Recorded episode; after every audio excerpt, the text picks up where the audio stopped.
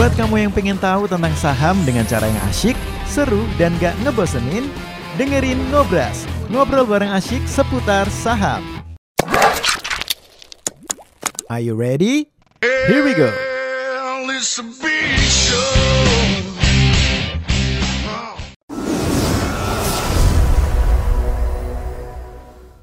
Pada emiten kali ini kita mau bahas saham apa? Saham BBTN. BBTN. Kenapa Brogil mengambil atau mengangkat untuk pada emiten kali ini BBTN? Karena di sini saya melihat potensi turnaround story, Pak. Oke, turnaround itu apa? Coba dijelaskan dulu. Ini ini kategori saham kategori dari Peter Lynch ya. Peter Lynch. Pot adanya adanya potensi turnaround story atau kalau di bank sih lebih cocoknya dari yang mitigasi resikonya lebih agresif menjadi lebih konservatif. Oh. Nah, perubahan cerita itulah yang kemungkinan ada nih di BBTN ini. Jadi turnaround itu Bapak Ibu, jadi yang tadinya jelek jadi bagus banget. Jadi bagus. Nah, itu turnaround tuh. Jadi yang tadinya mungkin misal perusahaan utangnya gede jadi membaik. Hmm. Utang gede jadi membaik itu udah turnaround story sebenarnya. Jadi cerita yang membaik lah. Dari rugi jadi, Jadi plus. Ah, itu turnaround. Dari rugi jadi plus. Nah, turnaround yang lu lihat di sini adalah dari sisi mitigasi risiko. Mitigasi resikonya. Oke, miti- mitigasi resiko ini maksudnya seperti apa? Pengelolaan resiko kan kalau di bank itu bisnisnya kita nggak bisa hanya mengutamakan profitabilitas kan, Oke. tapi mitigasi resikonya itu harus harus berjalan seimbang lah dengan profitabilitasnya. Nah selama ini BBTN ini terkenal dengan bisa dibilang penyaluran kredit yang agresif, tetapi Oke. mitigasi resiko yang kurang prudent, kurang kurang konservatif lah. Oke. Nah di sini ada nih potensi dari mitigasi resiko yang kurang prudent menjadi lebih konservatif lagi. Ini Oke. dia nih cerita yang ditunggu-tunggu oleh pasar sebenarnya. Oke, buat sobat investor yang mungkin koleksi BBTN untuk investasi jangka panjang, menengah atau mungkin trading ya, boleh disimak baik-baik sobat investor atau gara-gara ini nanti sobat investor jadi terbuka di pikirannya Yes. untuk investasi ke saham BBTN ini. Tapi disclaimer on. Disclaimer on. Silakan, Brogil. Oke. Nah, kalau BBTN ini, BBTN ini terkenal dengan penyaluran kredit yang KPR. Bisa dibilang dia bank yang sangat ramah lah dengan KPR. Seperti yang kalau Bapak Ibu lihat yang di screen yang kita tampilkan di PowerPoint ini, bahwa itu untuk penyaluran kreditnya untuk KPR-nya itu sekitar 90-an persen. 80 sampai 90 persen selalu berada di angka angka itu. Sedangkan untuk yang bukan KPR seperti uh, consumer atau komersial atau corporate-nya itu cuma sekitar 9 sampai 10 persen. Makanya tidak heran dia dijuluki sebagai uh, bank yang ramah akan KPR gitu. Oke, Hmm, jadi jadi kalau kita ngelihat dari kan kalau perbankan tuh selalu punya ciri khas kan. Yes. Kayak waktu itu pernah ngebahas kayak Bank Tabungan Pensiun Nasional Syariah, Hmm. dia fokus ke mikro, Ultra mikro. ya ultra mikro, BRI ke UMKM. Yes. Kalau si BTN ini dia fokus ke perumahan Ke ya? perumahan. kredit perumahan KPR. Subsidi ya. Eh, nanti subsidi Yes. pasti akan dijelasin sama Gilbert. Oh, Tapi oke. kalau yang kita lihat di sini sama-sama di lembar pertama ini, dia fokus ke eh, sektor properti atau untuk kayak kredit KPR. Hmm, hmm, hmm. Yang non KPR-nya misalnya kredit modal kerja, Oh, kredit yes. investasi. Jadi misalnya gini, lu mau bangun pabrik nih, Rick. Nah, itu Ya. kan sebetulnya kredit investasi. Oke. Kalau misalnya lu buat beli bahan baku, itu berarti kredit modal kerja. Hmm. Itu itu itu untuk dari sisi perusahaan. Yes. Kalau misalnya oh Pak, saya mau pinjam KTA. Ah, itu kredit konsumen. Konsumen. Oke. Nah, kalau yang dikejar di sini yang si Gilbert jelasin adalah eh, dia memang untuk konsumen karena untuk retail ya ini kebanyakan ya. Tapi fokusnya lebih ke arah ke perumahan. KPR. Berarti di lembar pertama ini sudah kelihatan ya berarti ya bahwa ketika perumahan itu lesu, daya beli lesu, dia kena. Dia kena betul. Oh, Kalau properti membaik, daya beli membaik, dia kena imbasnya positif. Yes. Jadi ini adalah salah satu turunannya perbankan. Jadi kalau bank yang membaik, properti yang membaik, dia salah satu perusahaan yang akan diuntungkan. Benar nggak? Betul. Nah, itu lembar pertama ya. Lembar Lembar pertama. Oke. Oke, lanjut. Kemudian, nah di sini di lembar kedua mengenai eh, progres dari restrukturisasinya. Kan kita tahu bahwa selama ini bank fokus pada restrukturisasi kan selama pandemi. Nah kalau kita lihat di chartnya, ini dari bulan Mei sejak di peaknya atau di puncaknya dari restrukturisasi itu udah mulai turun tuh. Nah itu dari ceritanya yang dari jelek, dari jelek banget udah mulai membaik nih. Nah ini ke depannya berarti kita bisa melihat bahwa sebenarnya nasabah dari BBTN itu mereka udah mampu nih untuk mel- untuk melakukan pembayaran kredit. Hmm. Jadi mereka udah nggak terlalu butuh untuk restrukturisasi kalau yang saya lihat gitu. Jadi ini kalau misalnya dilihat ini kalau yang oranye ini apa? Oranye kuning ini apa? Ini lebih ke ininya sih Pak sektor-sektornya. Oh, sektor-sektornya. Jadi Ya, yang segmennya. eh, yang kalau kita lihat sini kan ada warna-warna beda-beda yang trik ya. Iya. Ini lebih ke arah sektor, yang Sektor. diberikan kreditnya sama si Yes. eh, BTN. Mungkin nanti kalau pas di video bisa lo tambahin ya, Oke. kayak eh, legendnya atau mungkin Mm, mm, penjelasannya mm, warna mm. ini apa. Kalau misalnya kita lihat di sini tadi Gilbert bilang kan bahwa eh, Mei, tapi kita lihat dulu sebelum Mei dari bulan Maret, waktu Covid mulai eh, meningkat ya, baru mulai masuk Indonesia Yes. dan mulai ada namanya PSBB Hmm. di mana aktivitas ekonomi itu mulai seakan-akan kayak di stop gitu Hendrik. Dilihat dari Maret sampai Mei itu kan mulai Naik. aktivitas nggak ada kan? Ya. Ya pasti naik dong orang mau restrukturisasi kan. Ya. Tapi setelah Mei ke Juni, Juli angkanya tuh berangsur-angsur turun. Turun, benar Dan benar. kalau di September terakhir bulan September kemarin dibandingkan bulan Mei itu udah jauh sekali yang eh, minta direstruktur. Jadi sebenarnya secara cerita yang tadi Gilbert bilang di judul dia ada secara tanda kutip turnaround Yes. membaik, perbankan membaik. Eh, ini udah mulai kelihatan nih ceritanya. Restrukturnya kurang ya. Ya. Udah mulai menurun. Iya. Mulai menurun. Nah, di sini kalau misalnya kita lihat mengenai perbandingan antara LDR-nya atau pinjam uh, pem- kredit terhadap pembiayaannya dengan pertumbuhan DPK-nya atau dana pihak ketiga dengan Hmm. pertumbuhan pembiayaannya atau pertumbuhan kreditnya LDR-nya ini tergolong makanya saya bilang bahwa dia tergolong perus- uh, bank yang sangat agresif nih dalam penyaluran kreditnya. Oke. Kenapa? Karena kalau kita lihat di sini LDR-nya kan sekitar 100%. Berarti dia memberikan pinjaman lebih besar daripada uh, DPK yang dia terima nih. Ini Gitu. maksudnya apa nih? LDR itu apa? DPK itu apa? LDR itu kayak uh, gini. Kalau DPK kan kayak tabungan, deposito. Deposito. Dana Nah. pihak ketiga. oh, Nah, dana pihak pihak ketiga. ketiga. Oke. Sedangkan kalau RDR ini pem- perbandingan antara penyaluran kreditnya dengan Mhm. DPK-nya. Contoh nih, saya uh, di bank saya ini ada DPK sekitar 50 m. Oke. Saya salurkan kredit 100 m. Iya. Berarti lebih besar penyaluran kredit, Kredit, dong, lebih yes. lebih agresif dong. Nah ini yang terjadi di BBTN. Hmm. Ini Ini yang kalau terjadi di misalnya BBTN. lu naruh uang di bank, lu taruh di deposito, lu buka deposito, Iya. itu adalah dana pihak ketiga. Iya, Kenapa dibilang dana pihak ketiga? Karena kan bukan uangnya bank, Betul. Bener. uangnya lu. Nasabah Kecuali ya. lu mengikhlaskan buat gua. Nggak mungkin. Nggak mungkin. nah, itulah yang disebut sebagai dana pihak ketiga. Oke. Kalau seandainya secara uh, aset yang dimiliki sama perbankan dia punya dana pihak ketiganya misalnya tadi Gilbert bilang Mm-mm. 100 juta gitu Hendrik. Berarti kan yang naruh deposito, yang nabung totalnya 100 juta.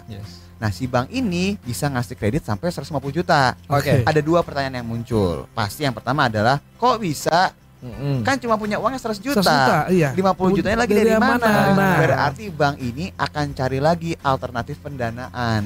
Betul. Dia nerbitin obligasi, Hmm. dia mungkin eh, nerbitin surat utang yang lain jangka Mm-mm. pendek. Tapi ingat, ketika dana pihak ketiganya itu sudah melebihi yang di, eh, yang kreditnya melebihi dana pihak ketiga, kan gini, kalau dana pihak ketiga kan lu gua kasih deposito ya, bunganya berapa? Ya ikutin Bank Indonesia dong, ya paling 4% lah. Mm. Tapi ketika lu nerbitin obligasi, lu ngomong gitu sama mereka yang mau beli obligasi lu, dia bilang, "Oh, sorry, mendingan gue beli deposito daripada gue beli obligasi lu." Ya. Jadi pasti ketika dana pihak ketiganya ini eh, kurang, dia nyari alternatif pendanaan, memungkinkan biaya bunganya jadi naik. Betul. Oh, bunganya jadi naik. Iya. Biaya beban bunga. Alhasil gini, Rick, misalnya nih, gua nerima uang dari lu, Hmm. deposito di bank gua, Ya. lu gua kasih 4%. Ya. Gilbert mau minjem nih buat usahanya. Ya. Boleh, Bet. Lu tapi gua kasih bunga 11% Iya, ya. iya. 11% gue terima dari Gilbert, gue ngasih ke lu 4%. 4%. Jadi keuntungan gue 7%. Oke. Tapi ketika lu ngasih gua ngasih ke lu 4%, Nah, Gil, lu ngas naruh deposito 1 miliar kan lu Yes. sultan kan? banyak kan, nah, banyak nih. Gilbert mau minjemnya 1,5 miliar. Ah, Oke. ah, Lah kan gua kurang, kurang dong. dong 5 Gua miliar. nyari lagi siapa nih bisa minjemin nih. Nah. Lu gua kasih 4%, tapi yang lain gua boleh. Gua beli surat utang lu misalnya. Lu nerbitin obligasi gua beli boleh. Tapi kuponnya harus 7% ya. Ngerti nggak lu? Oke. Jadi perbanding- alhasil Nah. bunga yang harus gua bayarkan ke lu dan Yes. ke mereka sebagai alternatif pendanaan jadi naik biayanya. Oke. Ya margin gue jadi berkurang. Itu Betul. maksudnya dari dana pihak ketiga sama si LDR. LDR. ini. LDR itu. LDR itu adalah Oke. perbandingan antara kredit yang gue salurkan terhadap dana pihak ketiga, Ketiga. yang gue miliki. Oke. Paham, paham, paham. Oke. Nah, sedangkan kalau kita lihat yang di sebelah kanan itu, Mm-mm. di situ ada mengenai pertumbuhan dari kreditnya tuh. Jadi memang kalau dari September 2019 dibandingkan dengan September yang sekarang itu pertumbuhan kreditnya memang dia menurun, tapi menurunnya menurunnya menurun tipis. Ya. 0,78 persen. Oke. Menarik ya, karena kan lagi covid dia Nah, Turun, dalam ya. turun ya, nggak dalam. Nah kalau dari eh, chartnya itu Bro Gil, kalau misalnya dia rendah semakin baik atau tinggi semakin baik? Kalau yang LDR, LDR. kalau LDR itu gini. Kalau dari peraturan dari dari OJK itu minimal batas wajarnya itu sekitar 76 sampai 83 80 sampai 93. Mm-mm. Itu batas am- batas amannya untuk yang LDR ini. Oh. Kalau lebih besar berarti kayak seperti yang Pak Fat tadi bahwa dia lebih agresif nih. Hmm. Dia udah menyalurkan kredit itu lebih besar dari dana yang dia dia himpun. dari yang punya. Ya, Oke. tapi kalau semakin kecil, Nah. semakin di bawah 50, berarti dia nggak bisa memaksimalkan nih dana pihak Ya. ketiganya. Oh, serba gitu, salah ya. serba salah. Jadi Oke. memang harus seimbang. Oh iya iya benar Gitu. benar benar. Jadi kalau bisa dilihat ketika LDR-nya yang lo harus lihat adalah ketika trennya nih, Indrik. Yes. Dia kan mulai meningkatnya signifikan, mulai tajam nih. Ya. Berarti dia lebih agresif dalam penyaluran Oh, kredit. Betul. Oke, berarti di 2019 bisa dibilang dia kreditnya kencang nih. Ya, di satu sisi juga kalau lihat pertumbuhan DPK-nya juga emang turun. Emang Iya, turun. Iya, Ya, iya, jadi iya. akhirnya dia apa kreditnya mau dikenjot tapi dia untuk penyaluran eh, dari sisi dana pihak ketiga ini diterima juga berkurang. Iya. Pertumbuhannya beda. Betul. Iya, iya. Jadi, iya, iya. Sebenarnya bisnis perbankan itu adalah dia memberikan kredit tapi di satu sisi dia juga nerima uang dari pihak ketiga. Dari- Udah, betul. Jadi kayak apa? Penengah ya. Iya, betul, menjadi- betul, betul, betul. Nah, yang dampak yang buruknya kalau misalnya dia melakukan penyaluran kredit jauh lebih besar dari dana pihak ketiganya yang dia himpun tadi, Ya. tiba-tiba kalau dana yang orang-orang yang taruh uangnya di bank ini tiba-tiba minta uangnya gimana? Narik kembali. Dia nggak bisa kan tiba-tiba yang kredit tiba-tiba bilang ini bayar bayar lunasin kredit lu nggak bisa kan? Hmm. Jadi dia harus sedia tuh uang. Makanya itu di, dibuatlah aturan oleh OJK itu batasnya sekitar 80 sampai 93 persen yang amannya, gitu. Oke, oke, oke. Nah di sini nih komposisi dari kredit-kreditnya dari eh, si BTN ini. Di sini ada KPR-nya nih. Kalau KPR-nya kita lihat memang dia meningkat. Yang di sudut kiri yang pertama ini KPR-nya dia meningkat. Persennya total mortgage ya. Mortgage itu kreditnya, kredit Yes. Mortgage- Oke. Mortgage itu kredit perumahan. yang di sini dan kalau komposisinya ini kita lihat memang yang masih lebih besar fokusnya ke subsidi tadi yang lu bilang. Hmm. Oke, kredit subsidinya masih lebih jauh meningkat nih. Presentasinya terhadap KPR-nya itu. Dan kalau yang di sudut kiri bawah memang kita lihat kredit subsidinya subsidinya ini meningkat KPR-nya. Bahkan di 2000 di 2020 ini Pak meningkat 4% Oh, subsidi untuk KPR subsidi. ya? Oke. Di 2000 September 2020 subsidinya ini meningkat loh. Iya, iya, iya. Tapi yang tidak meningkat yang turun itu malah yang bukan subsidi. Ya jelas, Covid Yes, pandemi ya. gitu. Nah. Oke. Jadi secara komposisi kredit perumahannya si BTN ini eh, dia masih didominasi dari kredit yang subsidi. Subsidi. ya? Oke. Jadi Bapak Ibu kalau ngelihatnya ada tulisan total mortgage itu maksudnya adalah kredit perumahannya Kredit ya. perumahan yes. Ya, jadi kalau kita lihat memang secara pertumbuhan kredit dari tahun 2015 sampai 2019 naik terus sih Naik terus ya. betul. Terus di 2019 ini karena data ini per September ya, Hendrik, Ya. ya. Kita lihat di kiri atas yang tulisannya total mortgage Ya. ya atau total kredit yang diberikan untuk eh, perumahan itu meningkat juga tapi memang tipis Betul. di 2020. Secara komposisi atau bisa Bapak Ibu lihat di sebelah kanan yang mortgage composition atau total kredit yang disalurkan untuk perumahan itu memang kita lihat dari tahun ke tahun mungkin semenjak Desember 2017 yang ya berarti ya Yes. yang subsidi Yang itu yang lebih mulai besar. lebih besar ya. Betul. Di 2015 2016 masih non subsidi. Hmm. Gitu. Jadi ini mulai mainnya ke arah yang subsidi nih. Yes. Nah, kalau kita lihat juga si subsidi perumahan subsidi inilah yang menopang pertumbuhan BTN. Yes. Berarti kalau kita lihat di Oh iya, lembar benar. ini narasinya adalah satu membaiknya sektor properti Oke. Oke. yang akan didominasi oleh eh, membaiknya daya beli masyarakat. Nah, narasi berikutnya adalah perumahan-perumahan yang subsidi itu juga pasti akan kena imbasnya nih, Drik. Hmm. Karena kan BTN ini fokusnya ke sana kan. Ya. Kalau ngelihat dari kapasitas banyak orang yang masih belum punya rumah Betul. ya kan. Terus juga eh, harganya terjangkau. Berarti kan namanya subsidi berarti kan. Ya. Yes. Nah, ini pasti dia salah satu yang akan diuntungkan dari narasi itu sebenarnya si BTN jangka yang agak panjang. Dan ditambah lagi situasi pandemi seperti ini, ini saat diuntungkan sama si pembeli ya. Kondisi mungkin harganya lebih murah. Mm-mm. Iya. Betul, betul. Sam- makanya begitu sampai pandemi eh, saat situasi seperti ini dari 2019 sampai 2020 yang subsidi naik eh, signifikan ya Bro Gil? Yes, betul, lebih signifikan. Yes. Oke, oke, oke. Mantap. Oke. Nah, di sini di sini kan adalah ini di sini ada strong chart to support bisnis atau mereka mengklaim bahwa sebenarnya chart atau modalnya mereka, kecukupan modalnya mereka itu kuat. Oke. Cari itu kayak apa? Cari itu kayak gini. Dia kayak buffer atau kayak gimana ya? Kayak pelampungnya gitu loh. Mm-mm. Kalau tiba-tiba pihak ketiga ini tarik dana semua, apakah modalnya cukup nih untuk memulangkan. untuk untuk ini untuk cairkan Ya. dana dari pihak Iya, ketiga? iya. semakin besar ini carnya maka berarti modalnya bank itu semakin besar semakin, Semakin banyak, kuat semakin oke. banyak. Nah kalau ketentuan dari OJK itu sebenarnya minimal 8% Ya. tapi sebenarnya kalau untuk bank buku 4 sekitar 14% nah kalau kita lihat sebenarnya memang dari Desember 2016 sampai 2019 itu caranya menurun. Berarti modalnya semakin hari semakin turun. Oke. kenapa? Karena semakin banyak kredit yang dihapus bukukan itu berarti kurang bagus tuh Oh iya. kan? benar. Tapi kalau kita lihat per September 2020 modalnya ini semakin naik nih. Mulai ada perbaikan. Nah, di sini nih. Nah, sedangkan equity, ekuitasnya ini kalau kita lihat memang udah mulai meningkat tuh tadi dari tadi itu di kolom kanan ya. ya kolom kanan untuk Oke, chartnya. untuk sedangkan kalau untuk di kolom kiri Oke. kita lihat mengenai ekuitasnya. Ekuitas ekuitasnya memang dia bertumbuh. Ya, betul. Tapi kenapa di eh, di 2020 dibandingkan September 2011 yang warna hijau, warna biru itu dia Ya. turun, bahkan turun signifikan minus 26%. Pasti kita khawatir loh, kok kenapa dia turun nih ekuitasnya? Iya. Ternyata karena sesuai dengan PSAK 71 atau peraturan dari pem- eh, dari OJK lah mengenai OJK bilang begini, bank itu harus lebih konservatif. Jadi bank itu harus mulai untuk mencadangkan eh, potensi kerugian atau cadangan kerugian penurunan nilai itu lebih awal. Hmm, hmm, gitu hmm, makanya sejak awal tahun itu bank udah mulai tuh mencadangkan untuk cadangan potensi cadangan kerugian penurunan nilai. Ambilnya dari mana? Ambilnya dari modalnya ini.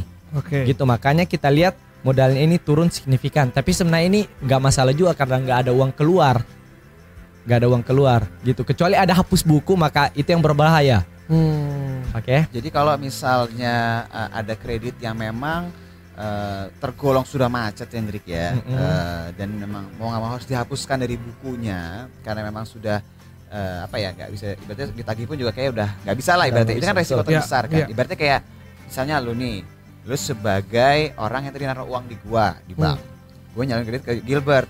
Eh Gilbert nggak bisa bayar-bayar nih Hendrik. Yes. Bunganya nggak bisa bayar, pokoknya nggak bisa bayar. Jadi ada klasifikasi yang digunakan kalau Gilbert itu nggak bisa bayar bunga, udah nggak bisa bayar pokok dan beberapa hal, ya mau nggak mau ya kita anggap dia macet. Oke. Ya nanti ada ada proses lanjutannya lah, sampai akhirnya bisa dilelang lah asetnya. Nah, ketika keadaan seperti itu, ya bank kan harus konservatif dong. Ini nggak Hmm. bisa dicatat masih menjadi kredit yang kita salurkan, Yes. ya dihapus. Oke. Ya, berarti ya hilang. Betul. Hmm. Itu itu kalau dihapuskan itu berarti akan menjadi kerugian buat bank. si banknya itu sebenarnya. benar, Ya. benar, benar, benar. Sebenarnya dengan keadaan kayak COVID kemarin ini pasti banyak yang menghapuskan itu. Ya, Karena ya, pasti ya. kan banyak yang kena imbasnya lah ibaratnya. Tapi baik lagi kecukupan modal suatu bank ya dan kira-kira bagaimana cara dia mitigasi resikonya Mm. itu yang menjadi cita lanjutannya sebenarnya. Gitu. Makanya kenapa tadi Gilbert bilang ke depannya perbankan itu akan lebih konservatif. Betul. Kalau misalnya oh, apa nyari kredit mungkin akan lebih susah. Hmm. Itu sih yang gue tangkap. Benar ya berarti ya? Betul. Nah, kemungkin kemudian kita masuk ke pekerjaan rumahnya. Pekerjaan rumah dari BBTN. BTN. Oke. Yang pertama ini nomor satu ini menurunkan NPL-nya atau rasio kredit macetnya. Oke. Jadi di sini uh, kita lebih pakai untuk lebih konservatif kita lebih pakai rasio kredit macet yang kotor. Kalau yang bersihnya memang yang total total loss. Jadi kayak Hmm. gini. uh, untuk kredit itu kan dibagi atas lima kolektabilitas lah. Yang pertama lancar. Pokoknya saya kurang tahu. Pokoknya ada. Yang kedua itu nggak tahu apa. Pokoknya yang Apa tuh? ketiga ini yang yang kolektabilitasnya itu loh pak. Ada lima gue. Ada lima. Ada lima, Lancar apa? Pokoknya yang ketiga ini diragukan. Yang terakhir macet. Oke, lebih Oke. parah nih. Nah, pokoknya yang berbahaya itu yang kalau udah masuk yang kolektabilitas tiga nih. Tiga ke bawah. Ma diragukan, macet, apa lagi satu ini saya lupa. Oke. Oke. Nah, kita pakai perhitungan yang kotornya yang tiga ini. Oke. Makanya namanya di sini gross NPL. Sedangkan kalau net NPL itu berarti dia cuma hitung yang Macet. yang macetnya doang. Oke. Nah, kita untuk konservatif kita pakai yang Gross yang NPL. gross NPL ini. Di sini kalau kita lihat dibandingkan memang buku empat lainnya, BBTN ini sangat-sangat tinggi untuk NPL-nya. Walaupun memang kalau dari Bank Indonesia dibilang selama dia di bawah di bawah 5 itu masih aman, tapi kalau kita lihat mengenai Bank BCA, Bank BBRI, Bank BMRI, BT BTPS dengan BBN itu bahkan di bawah dua. Ya. Di bawah dua. Bahkan kalau untuk eh, BBCA itu sekitar 1,6 kalau saya nggak salah 1,6 persen untuk kredit macetnya. Sedangkan kalau BBTN ini tergolong tinggi. Ini nih yang jadi pekerjaan rumah. Kita lihat kreditnya selalu hampir mendekati tiga bahkan pernah tiga bahkan di 2019 itu peaknya itu 4,78 Hmm. persen. Nah di 2000 di 2020 ini juga kreditnya juga naik nih 4,56 persen gitu. Jadi ke depannya ini nih yang pekerjaan rumah utama bagi si BBTN ini karena pasar pasar cenderung kurang suka nih kalau misalnya perbankan itu NPL-nya naik. Makanya kalau misalnya kita buka chart, kenapa itu dari awal 2019 harga saham BBTN itu turun padahal sebelumnya dari 2015 sampai 2017 itu selalu naik. Hmm. Karena itu NPL-nya itu pasar udah berekspektasi ke depan ketika mereka mereview kuartal 1 NPL-nya ini tiba-tiba naik, mereka udah berekspektasi kurang bagus nih ke depan. Makanya harga sahamnya itu turun tuh bahkan dari 3000 sampai seribuan kalau nggak salah di 2019. Itu kembali lagi pasar tidak suka NPL yang naik untuk perbankan. Oke. Oke. Nah, jadi gini Rick. Jadi yang kalau lu lihat ya, narasi perbankan itu kan kita setiap sektor itu punya narasi beda-beda Yes. yang bisa bikin sahamnya turun drastis atau naik kencang. Nah, kalau di perbankan salah satu narasi yang paling ditakutkan sama investor itu adalah narasi kenaikan NPL. Atau Oke. ngomong gampang kredit macetnya tuh naik naik. Dari sekian persen jadi sekian persen. Benar kata Gilbert. Jadi kalau misalnya Bapak Ibu perhatiin ya, harga saham BBTN itu di tahun 2018 itu di bulan-bulan Maret ya ini kalau gue lihat ya, itu pernah menyentuh di angka sekitar 3.800-an Drik. Yes. Hmm. Jadi sebelum Covid itu dia emang turun duluan. Turun duluan sebelum Covid Iya, malah. Dan memang salah satunya kan narasinya adalah kenaikan signifikan dari sisi eh, kredit macetnya. NPL-nya. Kenapa sih Pak kredit macet itu kalau naik eh, sahamnya turun? Kan orang jadi berpikir dong, kalau dia macet, macetnya ini nanti nggak bisa direstrukturisasi. Berarti mau nggak mau nanti kreditnya harus dimaafkan dong. Kalau dimaafkan berarti dihapuskan dong. Kalau dong. dihapuskan itu akan dicatat sebagai kerugiannya bank. Bang. Yes. Oh, Jadi misalnya nih, oke. Lu tadi naruh uang ke gue 100 juta. Iya. Gilbert minjem 150 juta. Iya. Gilbert gak usah bayar sama sekali. Berarti kan gue harus nanggung dong. Yes, yes. Jadi gue anggap jadi rugi gue dong. Yes, Yes. yes. Itu akan mengurangi laba bersih gue. Oke. Betul. Gitu. Oke, tadi menambahkan dari Om Reno yang lima kategori itu ada lancar dalam perhatian khusus, Ya ada Ya. perhatian khusus. kurang lancar, Kurang lancar, diragukan, diragukan macet. macet. Yes. Betul, betul, betul. Betul. Kalau yang masih masuk Om Reno. ah, perbankan ya? Kayak perbankan. Apa di ini multi finance tuh. Soalnya hafal tuh. Soalnya Om Reno yang minjam. Om Reno ini nih, ikut restrukturisasi. Oke, dan PR yang kedua adalah keseimbangan antara kredit dan DPK-nya. Nah, kalau kita lihat bahwa LDR-nya ini BBTN kan selalu cenderung di atas 100%. Berarti dia sangat agresif dalam penyaluran kreditnya. Sementara kemampuan untuk menghimpun dana dari masyarakatnya itu kurang. Ini yang sebenarnya jadi PR nih bagi BBTN. Kalau seandainya mereka bisa menjaga rasio LDR-nya ini di bawah 100, Hmm. bahkan di sekitar 90-an, ini se- sebenarnya bagus nih bagi BBTN ke depannya. Nah, kalau kita lihat nih di kuartal bahkan di kuartal ketiga 2020 LDR-nya itu udah mulai turun Oh iya betul. 93%. Keren dong. LDR-nya memang mulai turun 93% karena satu tadi penyaluran kreditnya itu turun 0,17%, Iya. tapi di lain sisi DPK-nya sebenarnya naik Oke. gitu. Itu sebenarnya cerita yang bagus. Ini kalau mereka bisa pertahankan yang 90% ini, ke depannya sebenarnya berarti bagus nih antara keseimbangan antara kredit dengan DPK-nya itu. Oke. Gitu. Benar, gue setuju banget. Jadi kalau dia bisa nyalurin kredit tapi DPK-nya terus naik juga, Ndrik, Hmm. berarti bank ini bisa menyalurkan kredit dengan bunga yang sudah ditentukan, Hmm. tapi dengan ketersediaan dana murahnya juga ada. Yes. Hmm. Lo kebayangkan kalau misalnya Gilbert minjemnya nggak 150 juta, Ya. dia minjem satu miliar. Oke. Lu cuma ngasih uang ke gua deposito cuma 100 juta. Ya. Berarti kan 900 jutanya lagi gua harus nyari lagi dong. Betul. Yes. Nah, lu gua janjiin bunga 4%. Hah? Yang lain karena gue menerbitkannya itu adalah obligasi, jadi bunganya yaudah deh pak, bapak 6% deh. Lu perhatiin, gue bayar ke lu 4%, Ya. gue bayar ke orang lain jadi 6%. 6%. Alhasil margin gua yang harusnya misalnya gue kasih Gilbert bunga 10% nih ya. Yes. 10 kurang 4 gue dapat untung 6% cuan gua. Yes. Yes. Karena ada si 6% ini Iya. mungkin cuan gue jadi tinggal 3%. 3% jadi Betul. dikit. Sedikit. Jadi Bapak Ibu perhatiin ya, ketika rasio LDR-nya ini naik, apalagi secara signifikan, ketakutan pasar adalah jangan-jangan dia nanti ini marginnya bisa turun Yes. karena ngasih kreditnya kan lo kalau bisa Gilbert nih, Bert, sorry nih Bert, gua habis nyari utangannya, eh nerbitin surat utang, dapetin 7%. Bunga lo gue naikin ya, jadi dari 11 jadi 14% deh. Menurut lu Gilbert akan iya iya aja apa nolak? Nggak mungkin, Nggak nolak, mungkin. nolak. Enggak lah, nggak mungkin dong. Iya, wah lu naikin gue 3% gue nggak Iya. bisa bayar lo nanti bunga. Iya, iya, iya, Yes. Jadi iya, gue iya, jadi iya. kejepit kan. Iya, iya, nah iya, iya. inilah cara ngelihat si LDR dan DPK ini. Berarti si bank sekarang berarti di posisi ya udahlah daripada nggak daripada nggak cuan, cuan dikit gak masalah lah gitu lah ya. Iya, jadi akhirnya nipis. Nipis cuannya. itu ceritanya inget loh, mas pasar nggak suka cerita yang memburuk. Oke. Margin dari gede mengecil, pasar juga nggak suka. Yes, betul. Nah, inilah narasi dari si eh, yang tadi gue berkasih. Yes, LDR. Keseimbangan. Betul. Susah juga ya buat bank ya. Enggak, sebenarnya yang susah tau nggak apa dari bank? Apa? Dia memastikan bahwa Si peminjam. Yes. Itu yang paling susah. Berarti kayak gua-gua gini, dan gua juga harus bisa memastikan lu mau naruh uang di gua Hah? dengan bunga semurah-murahnya. Yes. Coba lu perhatiin, Bank Indonesia ngasih acuan suku bunga sekian persen. Oke. Tapi ketika lu naruh deposito, tiap bank itu beda-beda. Nah, iya makanya kok bisa Ada gitu yang ya? bisa kecil banget, ada yang bisa gede. Gede banget tuh. Yang kecil berarti ya terserah. Lu mau nabung di gua silahkan. Silakan. Nggak mau ya sudah. Berarti kayak Dia punya cash banyak. ya. Oh, atau dia punya bargaining powernya kuat. Oke. Yes. Atau masih di mana-mana dia. Oke. Nah, itulah. I know. Makanya itulah yang lu lihat di yang yang kapitalisasi terbesar saat ini. Iya. Oke. Depositonya kecil banget. Oke, lu mau enggak? Ya enggak iya. masalah. Ah. Bukannya dia nggak butuh, tapi ya dia punya kelebihan lain Ya. di sisi selain mungkin ATM-nya banyak, Yes. kemudahan bertransaksi dan Ya, yang ya, ya. lain-lain.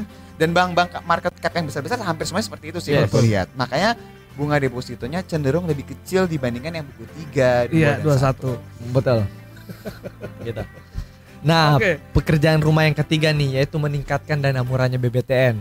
Oh, ini Gitu. tadi ya. Yes. Di sini kalau kita lihat yang warna biru itu cas atau dana murah tadi yang berupa tabungan Oke. atau giro yang giro dari perusahaan. Sedangkan depositonya itu yang warna orange itu. Nah, kalau kita lihat di sini depositonya itu jauh lebih besar nih. Hmm. Nah, pekerjaan rumahnya dia harus ba- bagaimana caranya dia harus meningkatkan dana murahnya untuk menarik masyarakat agar mau menyimpan nih dana murahnya di bank dengan bunga yang sekecil-kecilnya. Oke. Oke, tapi selama ini menjadi tantangan kenapa? Karena masyarakat lebih suka untuk menyimpan dalam bentuk Deposito. deposito. Akibatnya apa? Beban bunganya itu naik. Oke, karena Kalau mungkin- be- beban bunganya naik, labanya berkurang. Ah, Oke. Gitu. Pokoknya gitu aja ya, perhatiin Bapak Ibu ya. Oh iya Ketika benar. bunga depositonya naik, suku bunga naik, kenapa saham-saham perbankan turun? Ya iyalah. Iya, iyalah. Gua kan tadi bayar ke Hendrik cuma 4%. Hendrik sekarang sorry, acuan 6% bos. Nggak mungkin, Naikin dong. naikin Ya, dong. Aduh. Betul. Gua mau naikin ke Gilbert nggak bisa. Nggak bisa, Ya kejepit udah, tuh. itulah yang selalu bikin kenapa saham perbankan tuh turun kalau suku bunga tuh naik. Betul. Oke, jadi lebih Itu paham sobat investor ya. Betul. Kenapa suku bunga itu jadi tantangan buat perbankan? Dan Iya. ketika iklimnya suku bunga itu terus turun, Nah. perbankan lebih diuntungkan Yes, karena dia akan lebih leluasa Menggunakan memberikan Yes. uang ke lu dulu, memberikan Oh, iya. memastikan ya Benar. gue pokoknya sedikit dulu Oh, iya, ngasih iya. bunganya ke lu jangan 4%. Sekarang udah turun tiga setengah persen. Oh iya Ya kan?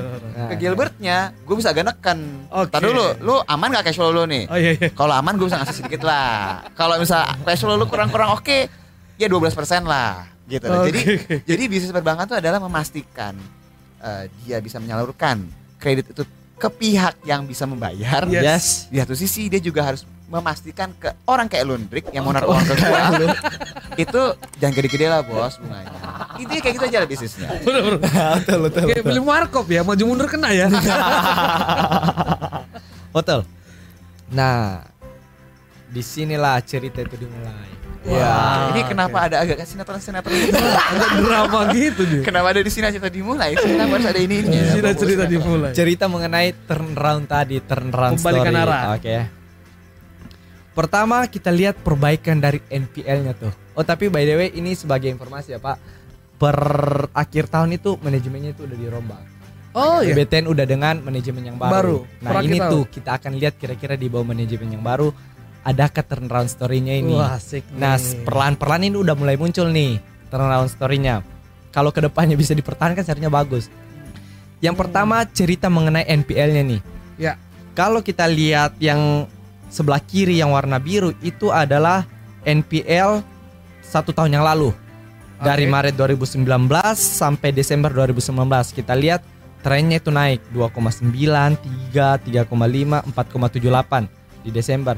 Sedangkan kalau kita lihat di saat ini di 2020 itu sejak kuartal 1 NPL-nya udah mulai nur, turun tuh. Mm-mm. Mm-mm. Dari sembi- 4,9, 4,7, 4,5 Iya. gitu cerita ini sebenarnya yang kita akan lihat ke depannya bagaimana mereka akan menekan dari kredit macetnya itu oke nah turnaround story yang keti- yang terakhir adalah mengenai dari coverage ratio-nya Oke. gitu sebelumnya kalau kita lihat yang di sebelah kiri Sebelah di kiri, ya? 2015 sampai 2019 itu coverage ratio kayak gini nah, itu perbandingan antara cadangan cadangan kerugian penurunan nilai terhadap total kredit macetnya jadi kayak gini gue estimasikan kredit macet itu 10 juta Hmm. nah gue cadangkan 50 juta deh Oh ditambahin. lebih lebih supaya lebih lebih aman lah Oke. nah tapi bagusnya lagi ini bukan case ini ini bukan semakin besar gue gue taro semakin besar gue cadangkan belum tentu itu akan hilang semua Hmm. gitu itu cuma sebagai kayak pelampung lah Pelampung lah cadangan. Buffer ya, buffernya betul Ah. kalau kita lihat sejak 2015 itu mereka cuma mencadangkan sekitar 43% terhadap total uh, kredit itu. kreditnya betul. Total kredit mereka cuma cadangan 45%, bahkan di 2019 cuma 50% Hmm. gitu. Jadi ini sebenarnya sebenarnya kalau bank yang lebih konservatif, kalau dia bisa mencadangkan uh, cadangan cadangannya itu 100 100% atau lebih besar dari yang ini. Dua kali lebih besar dari kredit yang Kreditnya. diberikan. Hmm. Jadi kredit yang diberikan 10M, dia bisa cadangkan 20M itu lebih bagus lagi. Oke. Jadi lebih aman lah. Benar. Sebelumnya memang tergolong rendah nih. Cuma sekitar 43, 50. Tapi sejak kuartal 1 mereka udah berani mencadangkan 100%. Wow. Gitu. Berarti Kuartal- mereka udah ini- siap banget Ini nih. yang ini kolom kanan ya, kolom, kolom kanan. ya? kanan. Oke. Sejak dua kuartal 1 mereka lebih ini mencadangkan Sekarang- 100%. Pertanyaan, buffernya itu itu cash mereka sendiri atau memang Itu cash mereka, itu modalnya Wow. mereka. modalnya berarti Modalnya mereka. bisa dibilang dananya udah oke nih. Udah oke. Jadi gini, misalnya uh, kayak kalau di laporan laba rugi lah, Ya. itu kayak ada pendapatan nih. Nah dari pendapatan ini kira-kira berapa yang akan mereka alokasikan untuk cadangkan itu? Oke. Nah semakin besar mereka cadangkan, mereka ambil porsinya dari pendapatan bunganya mereka, otomatis negatifnya labanya mereka kan berkurang dong. Ya. Tetapi kenapa mereka mau untuk nggak apa-apa deh laba berkurang, yang penting di masa depan stabilitas laba laba saya terjaga Oh. gitu. Jadi dicadangkan oke. lebih awal. Dia dia mencadangkan lebih awal Ah. untuk memastikan kalau sampai kenapa-kenapa di Yes. depan Yes. itu sebenarnya udah udah tersedia Udah gitu. ter- tersedia. Oh. Ini dia, ini dia yang sebenarnya saya yang yang saya lihat bahwa ke depannya semoga turnaround story-nya ini berjalan dengan baik. Sebentar, sebelum gua lanjutin lagi. Lu sana apa enggak? Ah, apa? Punya Nyicil dia.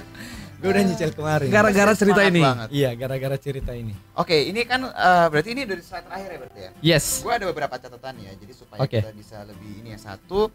Nah, kita ingat bahwa yang namanya saham perbankan atau saham apa pun lah itu selalu akan dimulai dari narasinya. Betul. Berarti narasi si BTN ini satu yang kita ketahui bahwa dia itu kuat di sektor kredit perumahan. Betul.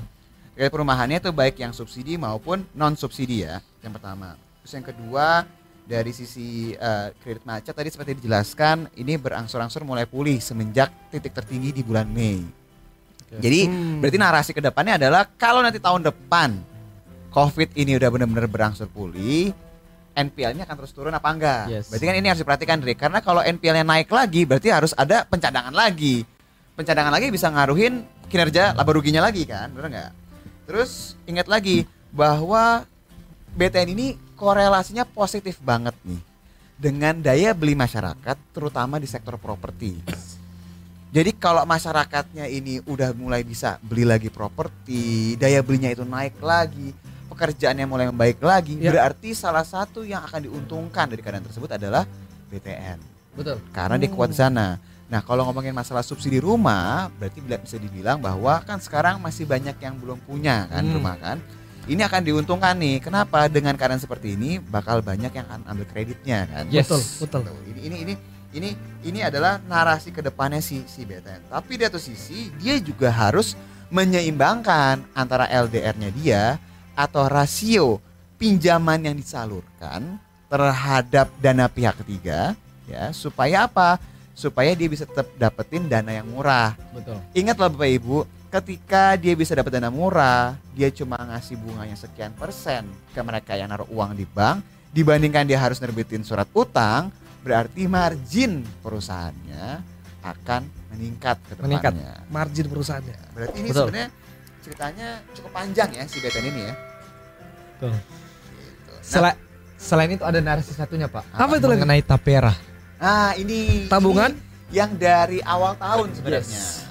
Tabungan perumahan rakyat. Betul. perumahan rakyat gitu jadi sebenarnya ini tapera ini udah dibentuk nih badannya Hmm. tapi belum ditentuin siapa yang akan kelola dana tapera itu jadi Oh. ada dua bank besar yang lagi bersaing nih BBRI dengan BTN Oh, ada dua berarti ada ya. dua Tapera ini kan tabungan perumahan rakyat. perumahan rakyat Berarti kan rumah. rumah Berarti kandidat utamanya adalah harusnya harusnya ke BBTN, BBTN. karena BBTN yang lebih kayak.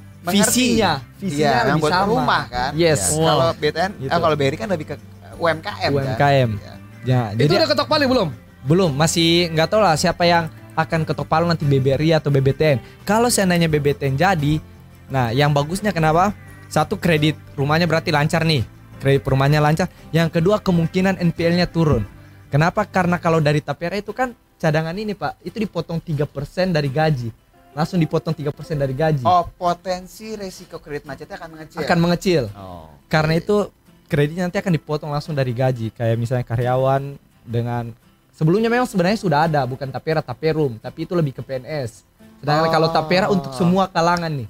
Oh, berarti kalau misalnya kayak Hendrik itu ya, Hendrik mau beli istana gitu misalnya. Yoi. Nah, nanti dipotong aja gitu satu Yes. miliar tiap bulan. Nah, itu jadi Iya. kayak gitu ya. Itu jadi itu, kayak gitu. itu konsep taperanya. Itu konsep Oh, taperanya oke, seperti oke, itu. Jadi untuk tapi khusus untuk peserta tapera misalnya kayak baru mau nikah, baru mau pertama kali dapat rumah, nah bisa tuh mulai daftar. Mau nikah. Hah? Sebenarnya dia mau beli rumah mau menikah sih. Sebenarnya iya, sebenarnya mau nikah sih. Eh, beli rumah untuk menikah kan. Terus kalau udah menikah nanti tinggal di mana? Mas tinggal di kantor dengan istri. Nah, ini sebenarnya buat mereka yang akan mem- apa ya eh, membentuk keluarga baru, mereka yang bekerja, baru bekerja dan segala macam eh, BTN mungkin akan jadi salah satu pilihan ya Yes. kalau sampai dia ditunjuk sebagai eh, yang megang tapera itu ya. Betul. Ya, gua nggak tahu sih. Ini kan kita masih mencoba melihat nar- narasi ke depannya kan. Betul. Karena kalau kita lihat ya yang dilakukan sama pemerintah sekarang adalah banyak holding-holding baru lah. Dari ada yang holding untuk syariah, Hmm. ada yang holding untuk pariwisata, terus ada penggabungan antara pegadaian dan segala macam. Nah, ini, ini ini lagi di ini sih. Trik. Jadi ceritanya patut diperhatikan sih. Ke depannya Oke. akan seperti apa. Seperti itu. harga wajarnya? Bapak tuh. Oh, gua Oh, gua dari dong. Bu, Dito, Dito. Eh kan udah lama gak datang. Oke, mungkin Mas Fat bisa gabung ke sini. Kalau perbankan kita akan coba nih valuasi. Valuasi ini bukan berarti dia harus eh, naik ke harga itu ya, Yes. tapi baik lagi eh, kita coba melihat harga wajarnya berapa berdasarkan keadaan si perusahaan ini seperti apa ya. Betul. Kita akan coba menghitung lah ya harga wajarnya si BTN. Baik lagi Bapak Ibu ya, ini kan disclaimer ya, bukan berarti pasti loh. Nah, karena dia perbankan, normalnya normalnya pasar itu menggunakan eh, valuasinya pakai PBV Hendrik. Oke, kalau Jadi perbankan gua- ya. Iya, jadi gua akan pakai valuasi pakai si PBV-nya dia. Ini kalau misalnya kita lihat Bapak Ibu, ini cara yang paling sederhana untuk menghitung nilai wajar ya. Jadi kalau misalnya Bapak Ibu lihat di layar saya ini, BTN ini kita akan scroll ke bawah, kita akan mencari rata-rata PBV-nya. Di mana rata-rata PBV itu nih saya gedein gambarnya. Ini ada PBV di sini. Nah, ini mouse saya gua gerak-gerak. Lo lihat, Rick? Lihat. Ini dari 2015, 2016, 17, 18 dan 19 Rick. Ya. Jadi kalau misalnya gue coba hitung, Di Excel ya. kita pertama harus tahu dulu nih PBV dia berapa Rick selama Hmm. ini. Jadi PBV BTN itu selama 2015, oke sampai 2019 tadi datanya ya. Ini kalau misalnya kita lihat PBV-nya 2015 itu adalah 0,99 ya. 0,99. Terus 102 175 1,02 1,75 Oke. Terus 1,16 1,24 1,16 1,24 Oke. Ini kalau misalnya kita menghitung pakai PBV seperti ini Kita akan coba merata-rata Rick Rata-rata ya. Rata PBV nya adalah selama lima tahun terakhir dia Yes. ada di ini ya. Bapak Ibu bisa gampang ya hitungnya tinggal pakai rumus Excelnya nih average Average.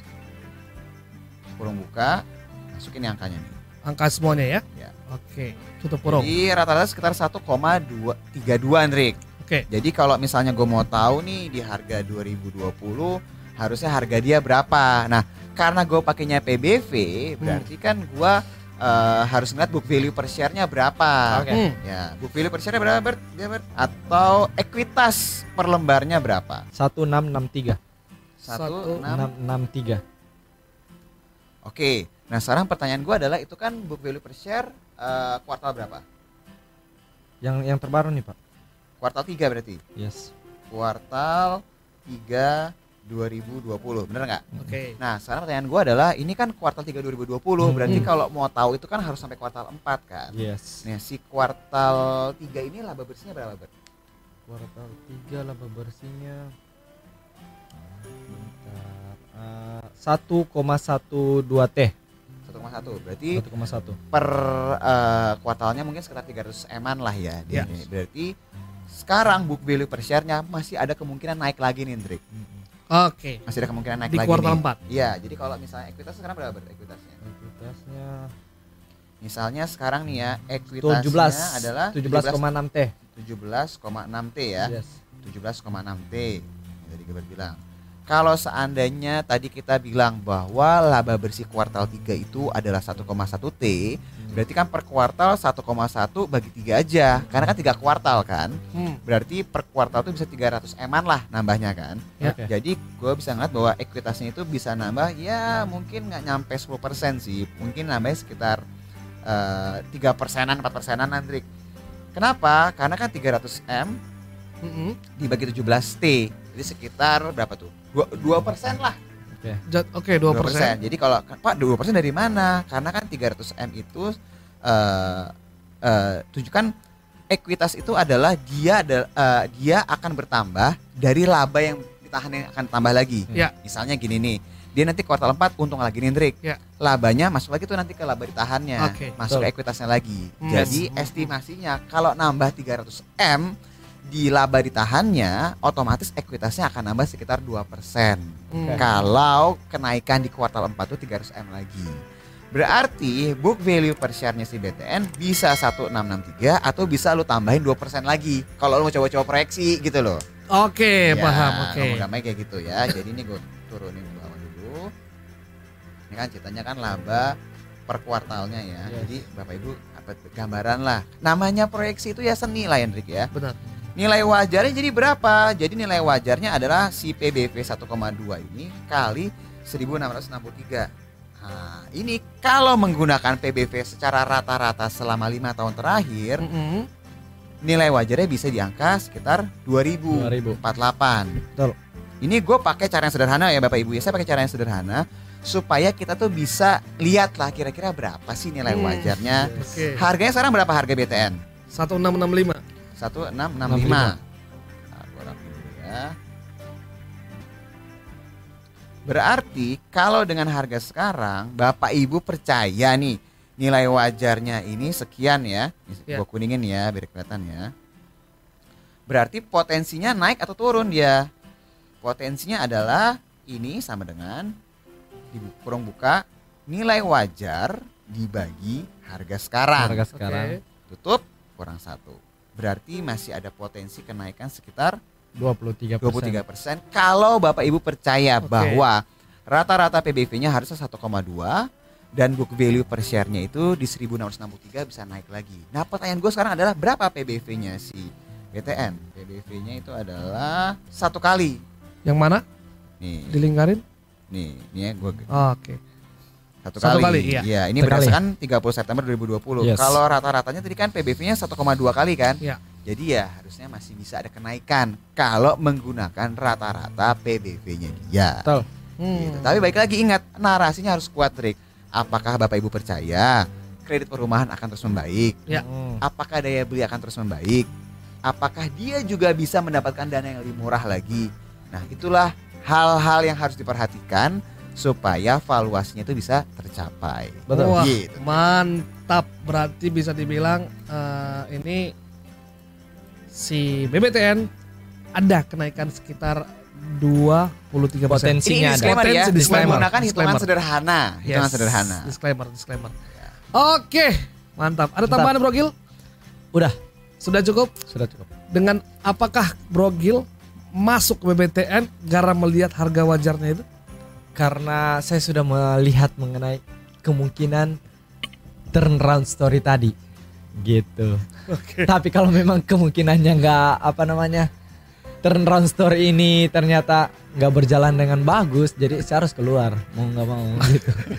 Tapi diingat gini Bapak Ibu, ketika kita menggunakan valuasi tadi seperti yang saya jelaskan, valuasi itu sebenarnya berfungsi selama satu tahun ke depan, Rick. Ah, Jadi oke. bukan yang seminggu itu langsung tercapai loh. Betul. Betul, betul, jangka panjangnya Iya, ya. Jadi normalnya valuasi itu digunakan untuk melihat satu tahun ke depan.